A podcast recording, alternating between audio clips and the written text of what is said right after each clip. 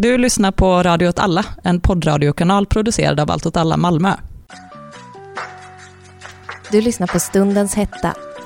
I Stundens hetta diskuterar vi aktuella händelser och situationer som berör oss alla, på samhälls och individnivå. Följ oss på sociala medier och stöd vår verksamhet genom patreon.com snedstreck Malmö. Hej och välkomna till ett nytt avsnitt av Stundens hetta. Ehm, jag heter Lucy och med mig idag har jag Hector. Hej hej! Och Nadja. Hallå! Och vi kommer idag prata lite om eh, Foodora, att man eh, behöver en smartphone för att åka tunnelbana och eh, den sexpositivistiska feministiska vänstern skulle jag säga. Men innan dess så kan vi rapportera lite om vad som har hänt i veckan. Lite korta nyheter. Bland annat så har vi sett en ökad spridning av covid-19. Det glädjefyllda ämnet. Men det är fortfarande låga dödstal, så det är bra, men Idag kom nya restriktioner om ett maxtak på 300 sittande deltagare på kultur och idrottsevenemang. Och jag tror också att de håller på att stänga ner övriga delar av världen. Sakta men säkert. Idag blev även Skåne bannlyst från Danmark. Nej men eh, i veckan kom ett reportage i Sydsvenskan där journalisten Dan Ivarsson eh, har gjort ett, eh, ett wallraffande reportage där han har tagit anställning som cykelkurir för företaget Foodora då en månad. Och företaget Foodora är ju det största av de företagen som idag erbjuder hemleverans av mat. Det här reportaget fick i alla fall väldigt stor spridning och det har kommit ganska mycket uppföljningsartiklar eh, och det har spridit sig lite till andra tidningar. Så det som är intressant är också att det här reportaget gjordes i Malmö, i den staden vi, vi bor i. Eh, och eh, det fokuserar framförallt på, på hur det är att jobba på Foodora med den otryggheten som beskrivs och den arbetsmiljön eller avsaknaden av arbetsmiljö som personer som arbetar som cykelbud har. Och då tas det bland annat upp att man eh, inom Foodora de skryter lite om att de inte är som andra gigföretag där man bara jobbar på uppdrag i en app, alltså det vill säga utan eh, att ha en arbetsgivare. Som till exempel Uber eller, eller liknande tjänster. Men man ger eh, då på Foodora max ett kontrakt. Till de riktigt bra cyklisterna så får man tre månaders kontrakt i taget. Och de lite sämre vanliga äh, cyklisterna får då äh, en månad i taget. Man pressas även, de trackas ju så att säga med GPS, vilket man ju ser, för att det kan man också, om man beställer för då kan man följa sin, sin cykelkurir så att säga, och vad den cyklar, om den cyklar fel eller om den cyklar en uh, osmart väg. Och det följer ju naturligtvis inte bara de som har beställt hem några askar Ben Jerrys från hemmakväll, utan även deras chefer. Så att det fanns en, finns en stor press om att man ska cykla väldigt snabbt och det som framgick även i vad den här journalisten erfor i, i, eh, i sitt arbete var ju att man blev uppringd där man, och tillsagd om att om du inte cyklar snabbare så, så får du inte vara kvar här. Och då var det ju under arbetspass till exempel där den här journalisten hade cyklat konstant i fyra och en halv timme eh, i typ ösregn. Men det har kommit rätt mycket kul artiklar kring det här som jag tyckte var liksom lite intressant att följa för att det är också intressant kopplat till frågan om LAS och lagen om anställningsskydd så tas ju den här frågan, blir den väldigt aktuell i och med att det här är någon typ av så gränsland. Eh, där man också frångår, och framförallt de företag som inte har anställningsavtal överhuvudtaget gör ju det. Så det har kommit en, en rad uppföljningsartiklar till det. Man tar bland annat upp så att restauranger till exempel nu också har väldigt svårt att överleva. Eh, när allt fler vill köpa hem mat så man måste erbjuda hemleverans via Foodora. Men Foodora typ tar 30% av så allt. Vilket är väldigt intressant i en bransch som annars har kanske en vinstmarginal på 2,5% eller så. Nu ska man inte eh, kanske så vara alltför bölig om typ att Subway tjänar mindre pengar, men, men ni fattar vad jag menar. Um, och det har varit ett antal så lite kulturpersoner eller annan, andra personer som varit ute och, och vevat i den här frågan. Bland annat har Fredrik Gerten, eh, dokumentärfilmare, är väl hans officiella titel från Malmö, varit ute och skrivit eh, en kritik mot det här som säger då att alla som, som använder den här tjänsten eh, är en del av, av de här skadorna som en del cyklister... Eh, det finns också precis en arbetsmiljöfråga som är att, att de relativt ofta hamnar i, i trafikolyckor. Eh, med tanke på att om man cyklar och är väldigt stressad och har en skitstor ryggsäck så, så ökar liksom risken för krock eller, eller att trilla. Så Fredrik Gerten har någon tes där om att man bara ska sluta använda det för att ingen annan kan ta ansvar. Det tycker jag är lite så eh, förenklat kanske. Eh, ledarsidan i Sydsvenskan Å andra sidan då skriver ju såklart eh, om vi inte har, eh, om vi bara kör det här LAS-förslaget som, som ligger på bordet så löser sig alla de här problemen för då behöver man inte ha de här problemen med att folk som eh, står långt från arbetsmarknaden, som kanske kommer, eh, som inte har etablerat sig på, i Sverige också eh, måste jobba med de här jobben. Så det löser alltså de det som det är någon forskare i Lund också som jag faktiskt inte känner till, eller faktiskt, faktiskt det känner man inte till alla forskare i Lund, men eh, som heter Anders eller Andreas Berg välfärdsforskare på ehm, Institutet för näringslivsforskning i Lund som skriver eh, citat här i slutet. Eh, men jag funderar på om gigekonomin delvis oförtjänt får klä skott för andra systemfel i samhället.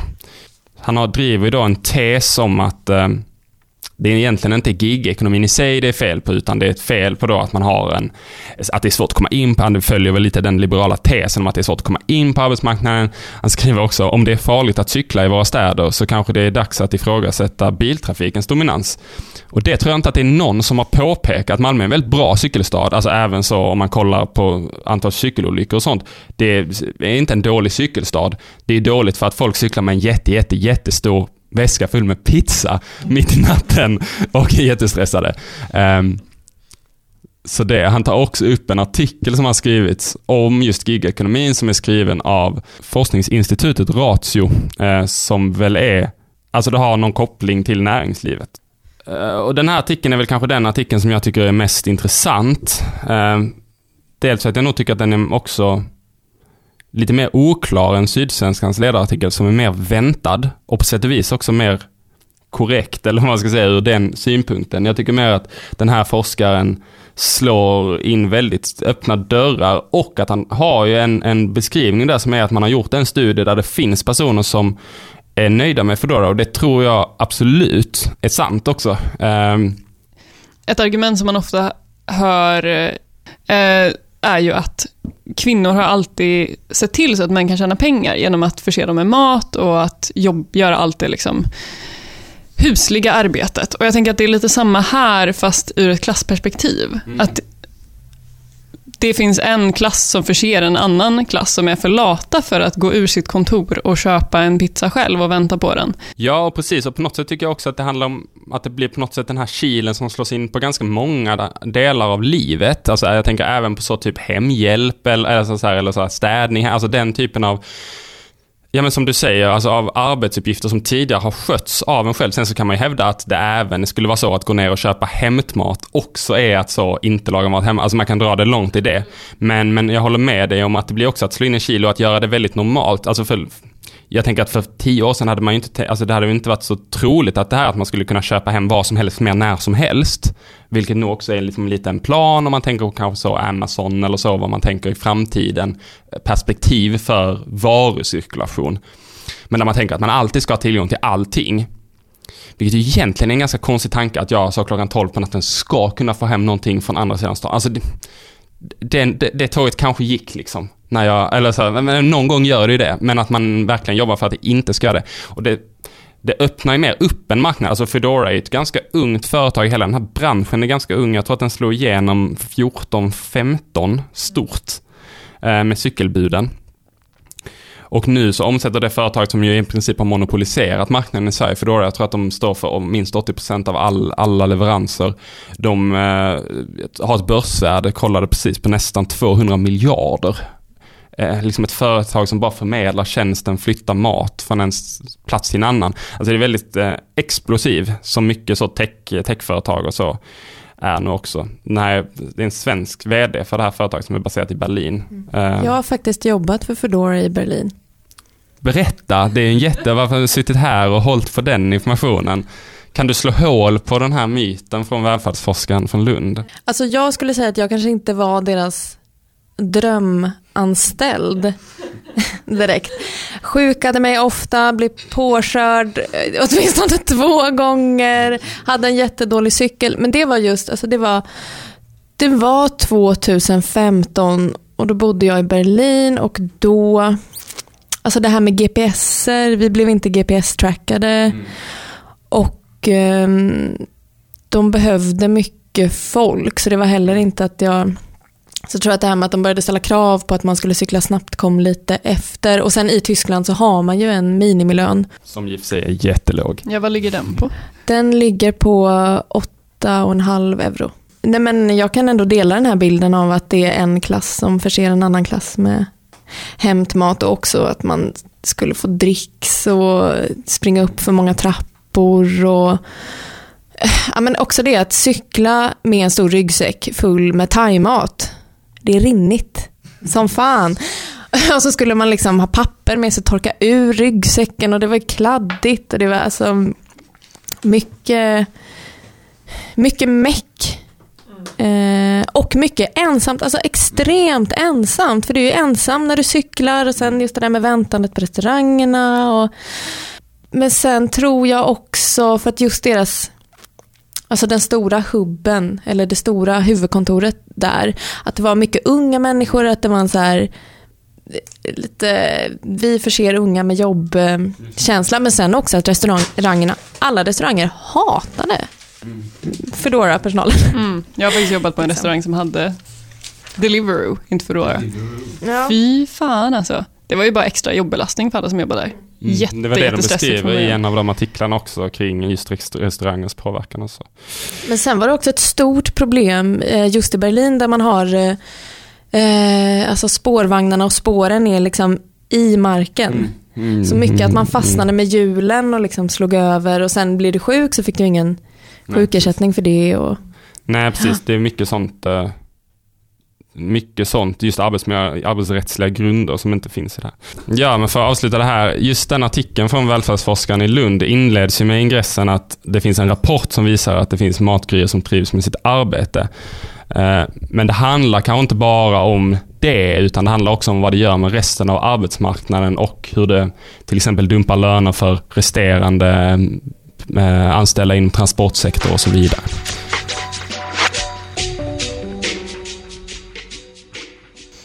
Ehm, jag kommer ta utgångspunkt i en essä publicerad på sverigesradio.se för några dagar sedan, skriven av Lyra Cooley, som frågar sig vad folk gör uppror mot när de matar företagen med allt mer detaljerade sexuella identiteter.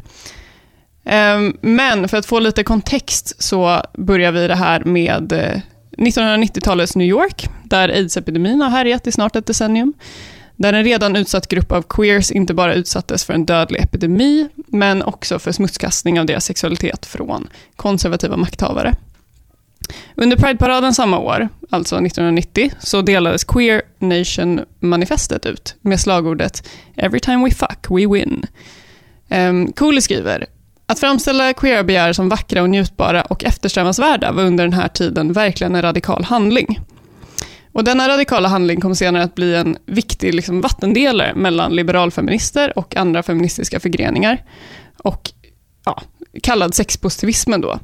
Och det innebär att man besitter en positiv inställning till porrindustrin och prostitutionsfrågan, då det anser att det är progressivt, frigjort och eh, emanciperar kvinnors sexualitet. De sexuella begären offentliggjordes då under 90-talet och blev därmed början på det vi idag kallar identitetspolitik. Um, artikeln och skriver att det är i kravet på att agera ut och bekänna det vi tror är vi själva som den verkliga politiska styrningen finns.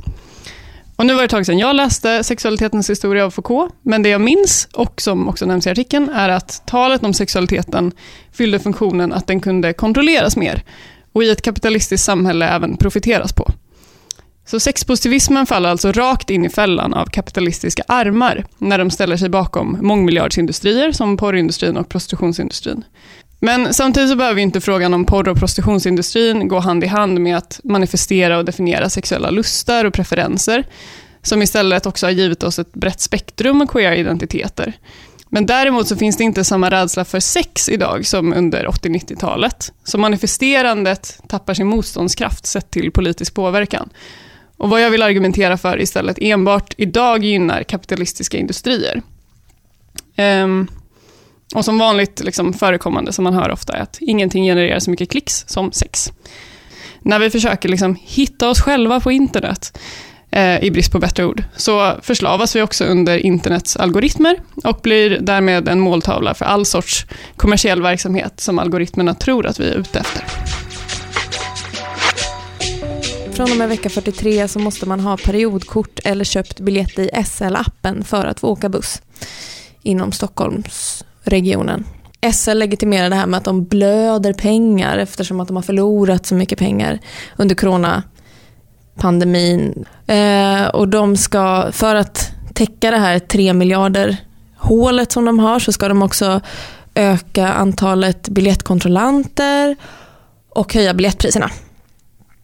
Eh, och eh, det de skyller mest på är plankarna, tjuvåkarna. Enligt årsredovisningen 2019 så gjorde SL en vinst på en halv miljard, eh, vilket översteg det budgeterade resultatet med 300 miljoner. Och vinsten förklaras av SL med liksom rekordmånga resor, reklamintäkter. Har ni åkt tunnelbana och buss i Stockholm så ser ni hur mycket reklam det är. Jag hade inte så mycket på det här egentligen, mer att jag tycker att det är helt från vettet att det ska kosta så mycket. Att åka tunnelbana i en stad där det är jättesvårt att ta sig på andra sätt, där cykelbanorna, om man jämför med Malmö, Och det är redan svindyrt att åka tunnelbana i Stockholm. 25 kronor för en reducerad biljett. Det är liksom 100 spänn om du ska fram och tillbaka två gånger på en dag. Men också återigen det här med att de de vill sätta dit är ju plankarna för att kunna göra de här mångmiljardsinvesteringarna som ingen kommer kunna åka för att det kommer vara för dyrt. Så att det är alltid en grupp som betalar för en annan grupps. Men också så kommer de kunna få in den mängden pengar på, alltså att sätta dit plankar. Det känns ju som att det alltid eh, eh, har diskuterats som ett ganska mycket ett nollsummespel. Det är ganska dyrt att sätta in mycket kontroller. Det är ganska, alltså så här, den, den typen av grejer är ganska dyra. Det är ganska dyrt att köpa sådana här jättehöga eh, glasdörrar och så vidare. Men jag tänker att det här också glider in i ett annat ämne som kanske är lite off topic, men det här med att man gör eh, arkitektval för att eh, hemlösa inte ska kunna sova i staden och inte sova på bänkar genom att sätta liksom, metallarmstöd eh, eh i mitten. Att det blir också en sån effekt att stänga ute en väldigt utsatt grupp människor genom att sätta in glasdörrar, kontrollanter, människor 24-7. Men också det med den hederliga stockholmaren. De som betalar, att det också finns. att så här, eh, Vi måste ha fler kontrollanter för att annars blir det inte värt för de som betalar och jada jada jada. Så vad är det liksom? Okej, ja men idag har vi pratat om eh, Foodora, sexpositivism och Kristoffer Tamsons skitdåliga politik. Tack för att ni lyssnade. Vi ses nästa vecka. Hej då! Hej då! Följ oss på sociala medier och stöd vår verksamhet genom patreon.com snedstreck allt åt alla Malmö.